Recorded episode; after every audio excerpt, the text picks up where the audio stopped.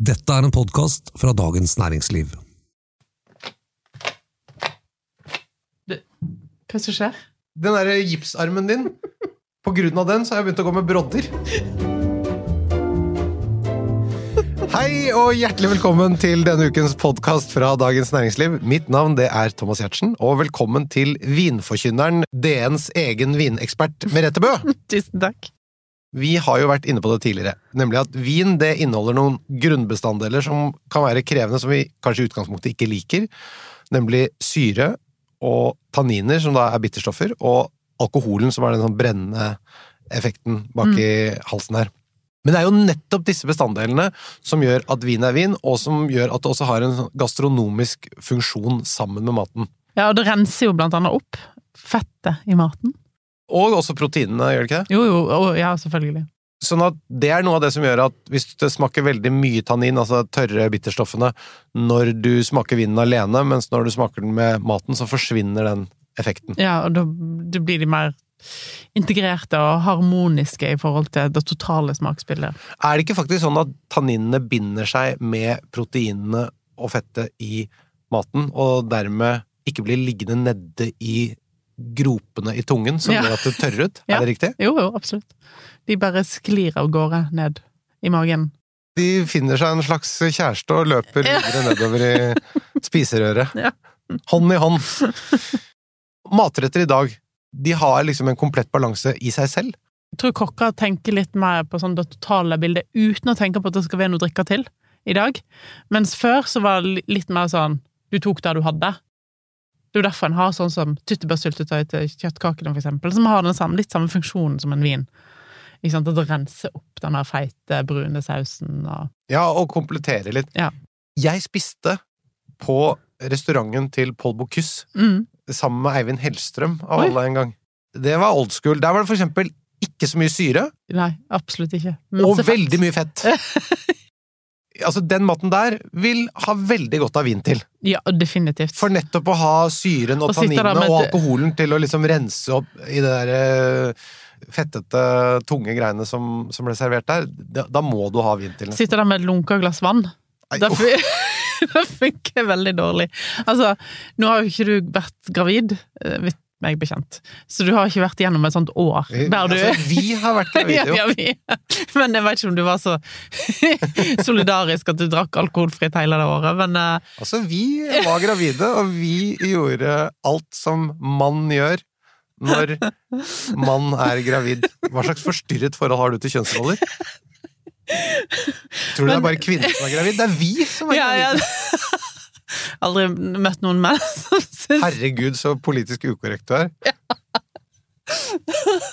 Men da var det sånn at jeg, jeg tenkte sånn Jesus, jeg savner den der funksjonen vinen har i et måltid. Jeg tenkte vi skulle single ut én av de bestanddelene, nemlig alkohol. Mm. For uten alkohol så er det jo ikke vin, det er jo rett og slett Du er juice. Ja. Sier du juice eller juice? Juice. Ja. Altså ikke juice. Det er sånn Jeg mener den er en talefeil her i Oslo. Men på Oslo vest så sier vi juice.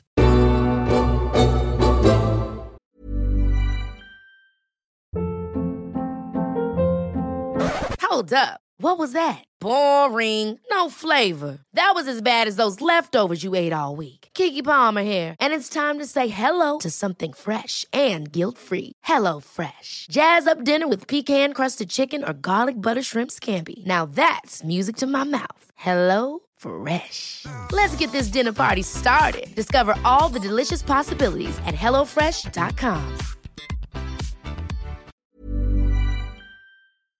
Bare én ting før vi begynner å snakke generelt om alkohol i vin.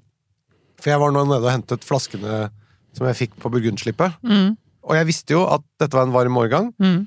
så jeg hadde jo gått inn og sjekket og sett hvilke viner er det som har enten 13 eller 13,5% alkohol. Mm. Jeg vil ikke ha for høy alkohol i vinene. Mm. Og så kommer jeg ned, og så ser jeg på flaskene. 14, 14,5 på veldig mange av de som det sto 13, 13,5 på. Jeg la merke til det samme sjøl. Dødsirriterende. Men det er jo ikke den vinen jeg har blitt tilbudt. Nei. Jeg syns jo det er litt irriterende. Ja, altså, det, det, det kan jo skje feil, sant? Uh, Ja, det, men hvorfor skjer det bare feil den veien? Hvorfor står det ikke Å ja, den var visst ikke 15% alkohol på den, det var 14,5. Hvorfor står det alltid feil den veien? Jeg tror de skjuler seg bak slurv, men at det er fordi at de vet at det er vanskelig å selge en vin fra Burgund med 14% eller over 14 Og når de skriver 13,5 da, så er det sånn ja. Nemlig, men... Og mange ser ikke, sjekker ikke det etterpå, sant? når de har fått flasken i hus. Sjekker ikke det, bare superhappy for at det fikk noe i det hele tatt. Så ja, eh, litt salg, og så er det jo litt eh, alkoholavgift som staten gikk glipp av her og da. ja, hvor mye er det, da? Nei, det er ca. to kroner på en halv prosent alkohol, og det var 32 000 flasker på Burgundslippet, og jeg antar at mesteparten blir solgt. Så hvis en tenker at alle har eh, Hva skal jeg si slurva på en halv prosent Hvis alle hadde slurva. Hvis For det har de ikke. Men hvis alle hadde gjort det Hvis alle har gjort det eh, på en halv prosent, bare for å ta et rundt tall, så blir det da 64 000 pluss moms og 80 000, da. Hvis Vinmonopolet, som da er statens egen bedrift, kan ha et såpass omtrentlig forhold til statlige avgifter, da må jo vi andre kunne ha det, da. Kan man justere litt yeah, yeah. Dagligvarebransjen kan justere litt på sukkeravgiften.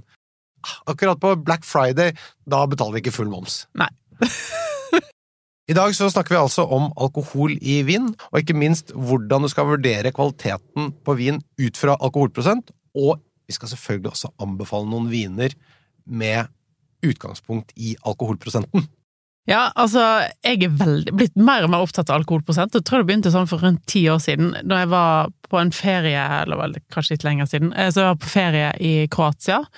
Når du går inn i en varm vinbutikk i Dubrovnik, og vinprisene er ganske høye, og alkoholen var insane høy, lå over 15 storseballeviner, så mista jeg litt sånn lysten, egentlig. Eh, Men så tenkte jeg nå skal jeg se om jeg kan finne noen nye produsenter som er bra, ikke sant? Og da snudde jeg på alle flaskene og fant en som hadde 12,5% nei 12,8 eh, i alkoholprosent, som jeg aldri hadde hørt om. Så den kjøpte jeg med meg hjem, og ble ekstremt overraska. Så neste gang jeg reiste til Kroatia, så reiste jeg og besøkte den produsenten. Og de lager fortsatt med lav alkoholprosent. Ja, for de har aldri vært tilgjengelig i Norge før nettopp nå. I, eh, de kom på polet i januar i år, eh, og de kom bare med én vin, jeg håper det kommer flere, heter Roxanish, og den hadde 12,8. Og, vi, vi har jo snakket om det her mange ganger, at eh, både du og jeg liker jo lav alkoholprosent i vinen. Mm. Men hvis vi bare snur på det, kan ikke du si hva er positivt med alkoholen? Du kan egentlig teste det ut sjøl, hva du syns, for hvis du kjøper en dealkoholisert vin, vin som har gjæra, eh, til å bli en vanlig vin, men så tar de ut alkoholen. Men, For det kan man gjøre på ja, en det litt sånn... du gjøre på en litt sånn kjemisk, eh, eller en veldig teknisk måte som heter spinning cone, eller omvendt osmose. Og hva, hva skjer da? Eh, jeg kan ikke akkurat det teknisk. Og, og vi skal ikke gå i dybden på det, men det går an altså å ta ut alkoholen. Ja, eh, og da vil du kjenne at vinen smaker veldig sånn tamt og emment, og er litt sånn eh, vandig og kort og lett, og mangler ekstremt mye. Du, og ofte så må en tilsette litt sødme i vinen for at den skal få litt av det alkohol... Eller det som alkoholen gir, som her da mangler, så må du ha litt sødme ofte. Så, så det gir en slags form for fylde, da. Ja. Alkoholen gir fylde, eh, gir struktur, gir konsentrasjon, gir eh, selvfølgelig en sånn varmende avslutning som er eh, har en tendens til å like.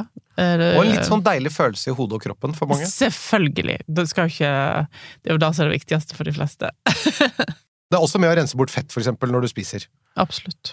Neste som en liten sånn skvett på frontruta når du kjører bil, og der kommer mye sånn Litt spylevæske. Men så har du det som vi har snakket om så mye, nemlig for høy alkoholprosent. Ja, den er jo litt sånn forvirrende kanskje for mange, for mange tenker sånn ja, men hva er for høy? Og det er jo veldig individuelt. Vin til vin, drue til drue, område, produsent. Men jeg har, etter å ha testa vin og jobbe med dette i så mange år, så har jeg funnet fram til det som jeg syns er den beste alkoholprosenten, sånn generelt, Ok? og det er 12,5. Det er 12,5, og det er ganske lavt i forhold til de fleste viner i dag. De aller færreste har 12,5. Ja, eh, og til og med nå, bare på sosiale medier i går, så så jeg at noen hadde lagt ut av en vin eh, Delt et bilde av en vin, og så har han magiske 12,5% alkohol. Og da tenkte jeg, jeg er så enig, men med en gang du kommer opp i 13 og over 13, så skjer det noe. som ikke nødvendigvis alltid er så positivt. Men det hender jo ofte at du gir viner som har Ja, ja, ja. 14 og 14,5, Ja, ja, ja. 94, 95 poeng. Ja. Hvorfor gjør du det? Nei, altså, men jeg tipper kanskje at det, samme vin med 12,5 hadde vært hakket bedre, skjønner du? 98 poeng. Ja, kanskje. Du har jo ikke mer igjen på skalaen din. Det er jo litt så slemt å si 'jeg syns du er fin, men hvis du hadde hatt litt større pupper', altså. Eh, eller 'jeg syns du er fin, men hvis du hadde hatt litt mer hår, så hadde det vært enda bedre'. Jeg har ikke så lite hår. Unnskyld. Vi må tilbake til no No nonsense-konseptet vårt. nonsense, Ja. Eh, noen viner har jo en kraft, en styrke og en konsentrasjon som tåler 14,5, selv om jeg tenker at eh, 12,5 ville vært bedre nesten uansett. Jo, men hva er det som gjør at du aksepterer det i noen vinner, da? For jeg vet at det ikke finnes noe alternativ. det er ikke noen andre som lager 12,5. Det må jo ha noe med balansen å gjøre, da. Ja, altså, flinke vinprodusenter klarer utrolig nok å dra i land 14,5, kan gjøre. Hva er det med balansen som gjør at de fikser det? Eh, Stort sett så har det med konsentrasjon, altså væske versus stofflighet i vinen. Eh, syre og friskhet, eh, ikke minst. Det har med aromaprofil, at den frukten ikke er sånn overkokt og overvarm, men at den har en fersk og delikat frukt. Dette er jo snakk, du snakker med om unge viner, ikke sant.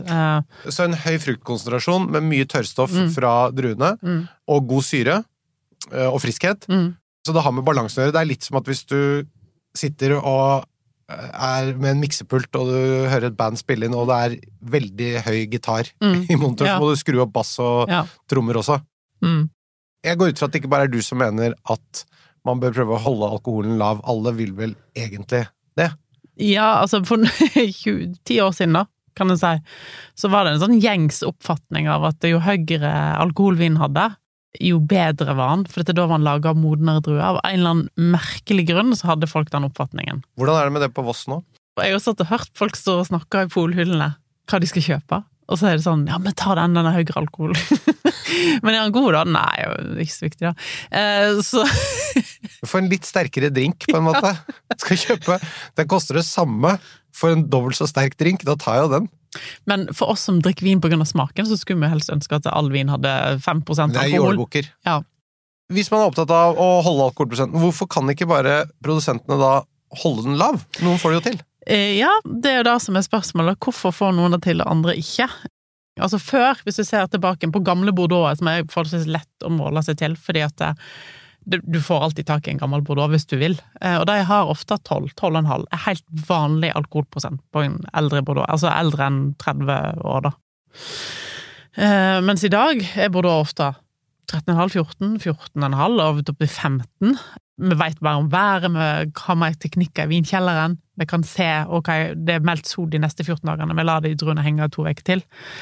Eh, mens før så kunne ikke de ta, har den luksusen. Så de høsta det inn når de hadde et visst sukkernivå for å få den alkoholen de trengte. Fikk de i hus, sånn at de visste at de hadde noe å selge. Men dette henger vel også sammen med at du skal ha en modning på sukkernivåene, men så skal du også ha en aromatisk modning, sånn at ikke aromaprofilen blir helt grønn, da, at det lukter og smaker umoden frukt. Så, så det å få de to tingene til å modne samtidig er vel også et poeng, er det ikke det? Absolutt. det gjør ofte smaker druesteinen hvis druesteinen er grønn, og ikke, hvis ikke den har skifta farge til å bli brun, så sier en ofte at den er ikke fenolisk moden ennå.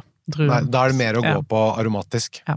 Fenolisk modning det er da det samme som aromatisk ja, ja, modning. Ja, ja. Så man kan bruke begge de to begrepene. Eh, Men i Burgund før så var det helt vanlig med noe som heter chaptalisering.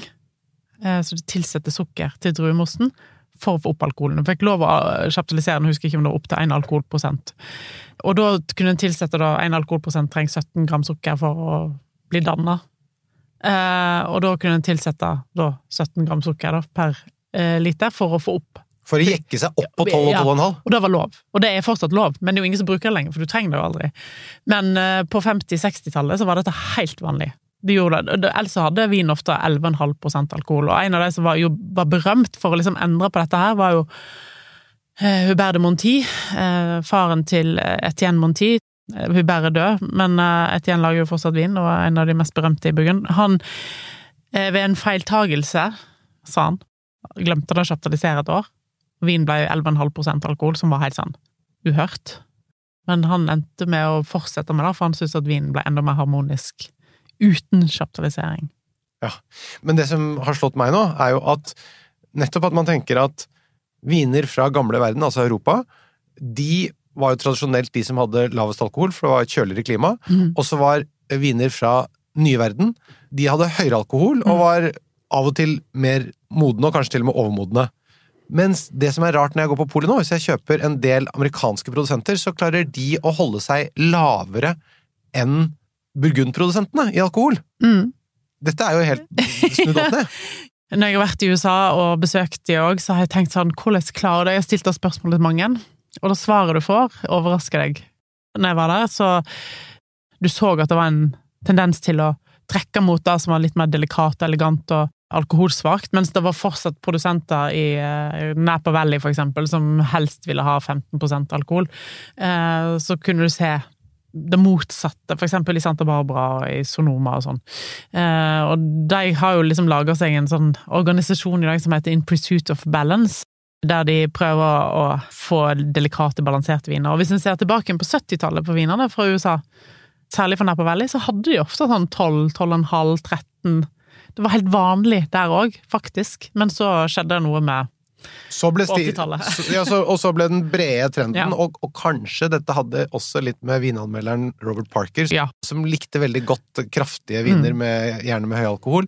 Så dette var en motstrømsbevegelse, denne In Pursuit of Balance, Mm. som da skulle lage gammel europeisk stil, med da strek under nå gammel, fordi Mm. nå er jo plutselig europeisk stil blitt høyere. Ja. Og så gjør det jo én ting, som ikke så veldig mange snakker om, men som noen heldigvis villig til å innrømme, det er at de vanner ut vinen. Det er det de gjør, det er derfor de klarer det. Ja. Det motsatte av å chaptalisere, altså tilsette sukker, så tilsetter du vann. Mm. Det er ikke lov, men samtidig er det vanskelig å bevise på noen måte at du har tilsatt vann, for det er jo ganske mye vann i vin i utgangspunktet. Det de gjør, det er å modne druene helt optimalt, ikke sant, Eh, og så, når de knuser druene eller presser de, så tilsetter de vann i det stadiet da, av vinproduksjonen.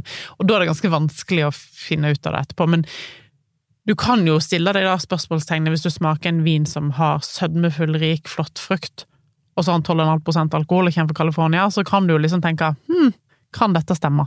Ja, fordi det har jeg tenkt på, at den har på en måte friskheten og eh, da fraværet av høy alkohol, Mm, men den har en veldig sånn moden fruktaroma. Mm. For min del så er det jo kanskje særlig amerikanske pinoter, og da kjenner jeg ofte det. Mm.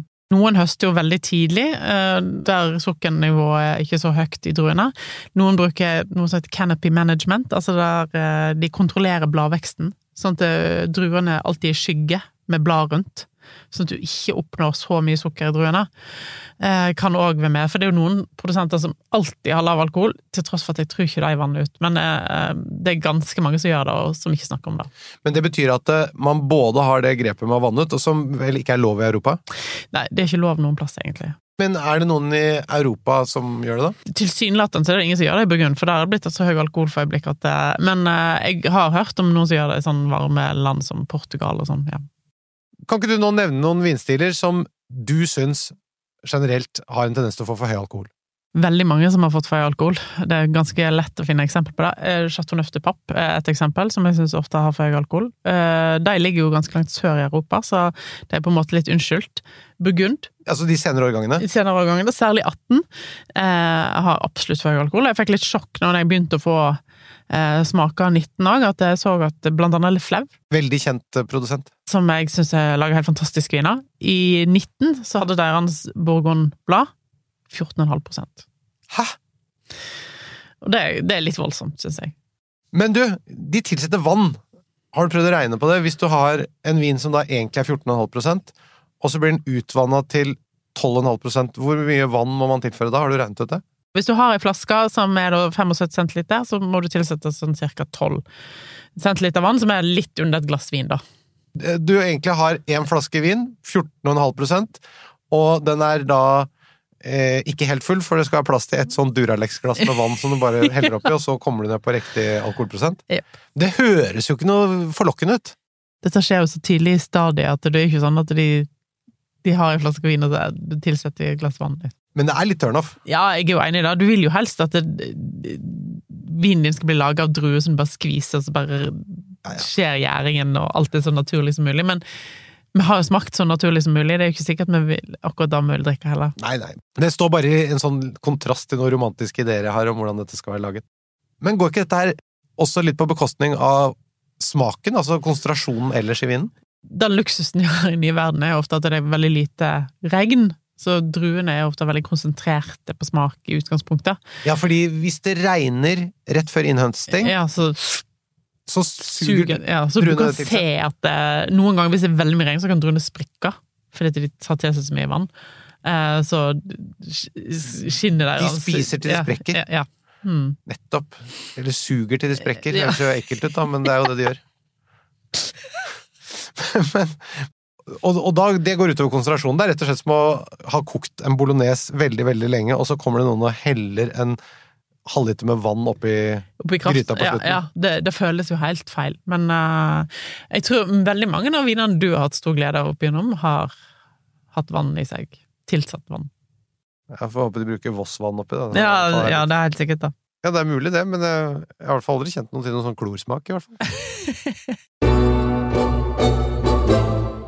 Hvilke vinstiler er det du syns best tåler høy alkohol?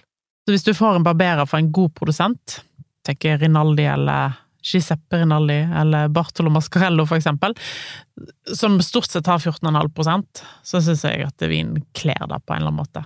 Og da er vi tilbake til det som vi snakket om med balanse, konsentrasjon på de andre, eh, som fruktkonsentrasjon Ja. og fruktsødme og syre, Ja. Som står til den alkoholen, da. Ja, selvfølgelig. Og så er det jo viner som Amarone, for eksempel, som jeg ikke klarer å unngå når jeg snakker om dette, som ofte er oppe i 17,5 eh, Men når de klarer å få 14-15, så kler jo en Amarone en 14-15% alkohol. Kler ikke nødvendigvis 17. Nei, for da burde du egentlig selge den sammen med Paracet. Ja. Men er det noen områder, eller kanskje produsenter, som er kjente for å ha perfekt balanserte viner? da?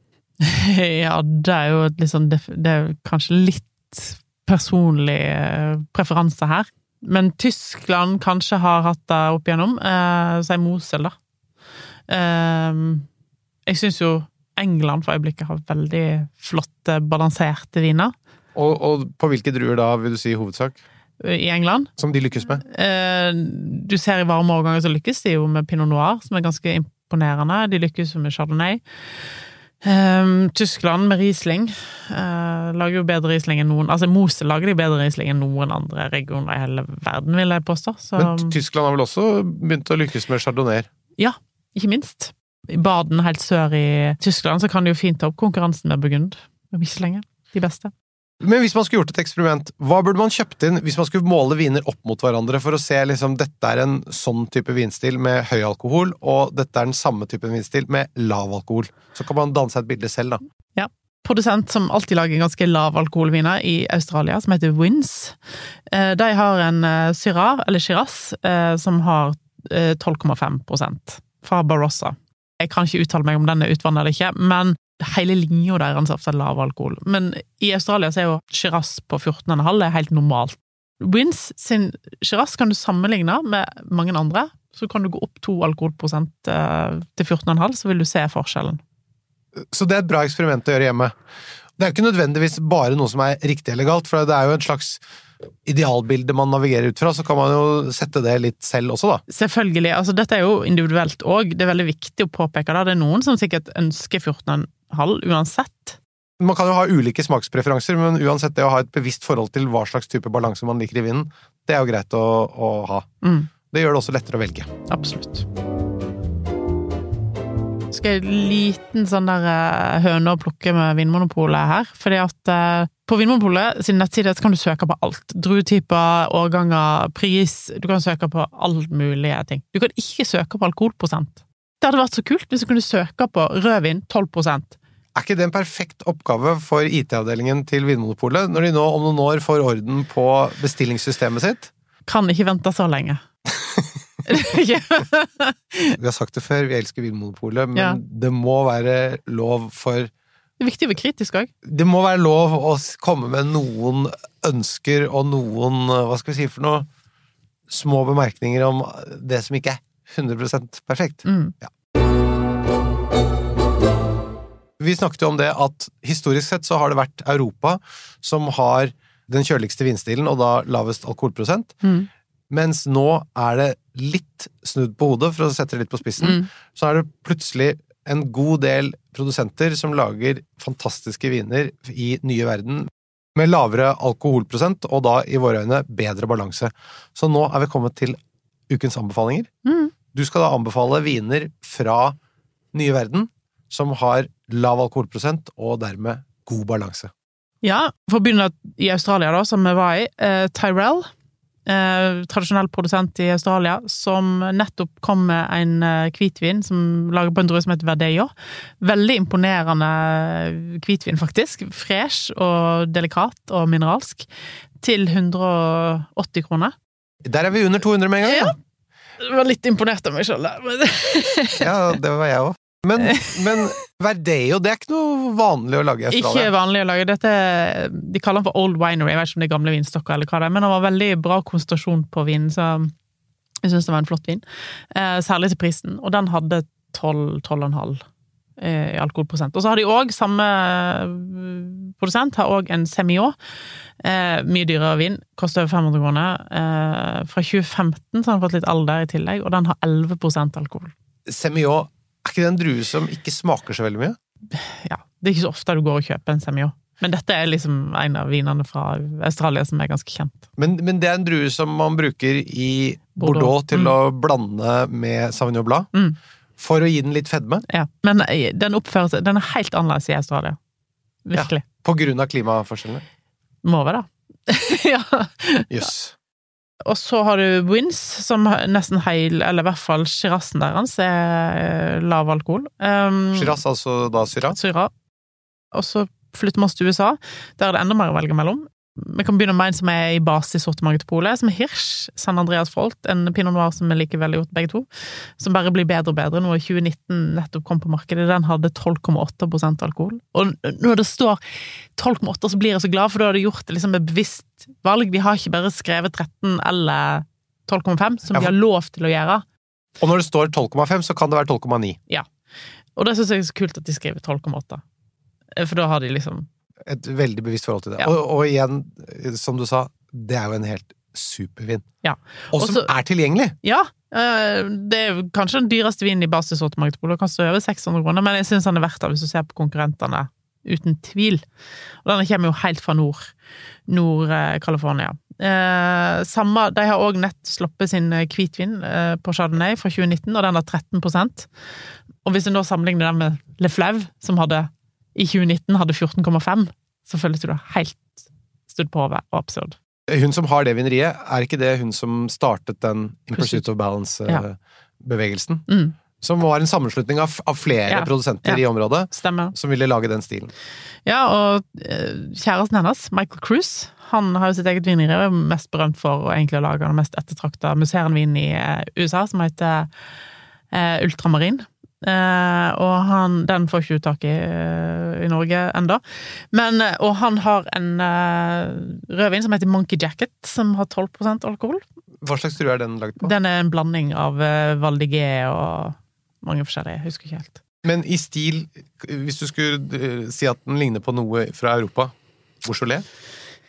Ja, kanskje en mellomting mellom Beaujolais og Sicilia, på en måte. Ja. Eh, Occhipinti, Cecilia. Det er sånn fyldig, kraftig, uh, kjøttfull, juicy vin. mm, Med lav, moderat alkohol og balanserte tanniner. Ja, ikke så mye tanniner? Nei. Og så har du Martha Struman, som er da en uh, elev, eller en avhopper, kan du si, av Chris Brookway sin Brooksellers. Og hun lager jo vin, litt sånn natur-ish vin, eh, ufiltrert og sånn. Eh, Hun har to viner som heter Post Filtration, og den er ufiltrert. eh, Og de har 11 eh, alkohol. Oi, oi, oi. Så det er masse, og ikke minst Brooksellers, da, men de er for øyeblikket utsolgt. Så- Men det kommer tilbake. Ja. Men du, dette var jo fantastisk, og du startet jo på 180, så vi behøver ikke å ha den der vodne øvelsen hvor du skal late som du liker noe til under 200 kroner. Det virket som det faktisk var ekte òg. Ja, den overrasker meg eh, veldig, og jeg syns det var en ganske kul vin. Ja. Det var alt vi hadde for i dag. Hvis du har spørsmål, ros eller ris, send det inn til vin at dn.no. Denne podkasten er produsert av Feelgood for Dagens Næringsliv. Vi høres igjen om en uke. Jeg gleder meg allerede. Jeg òg. Takk for i dag! Takk for i dag. Se på oss, da. Her sitter du med gips på armen, og jeg med brodder. Neste ukes podkast må jo handle om søt sherry. Og så må vi få produktplassering fra Enklere liv.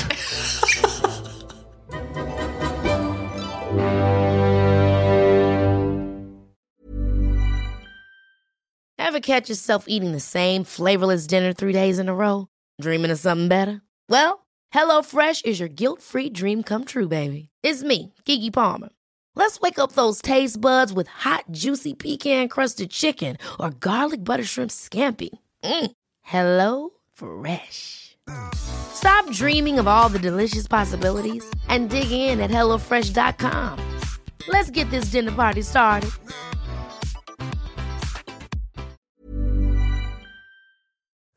Du har nå hørt en podkast fra Dagens Næringsliv.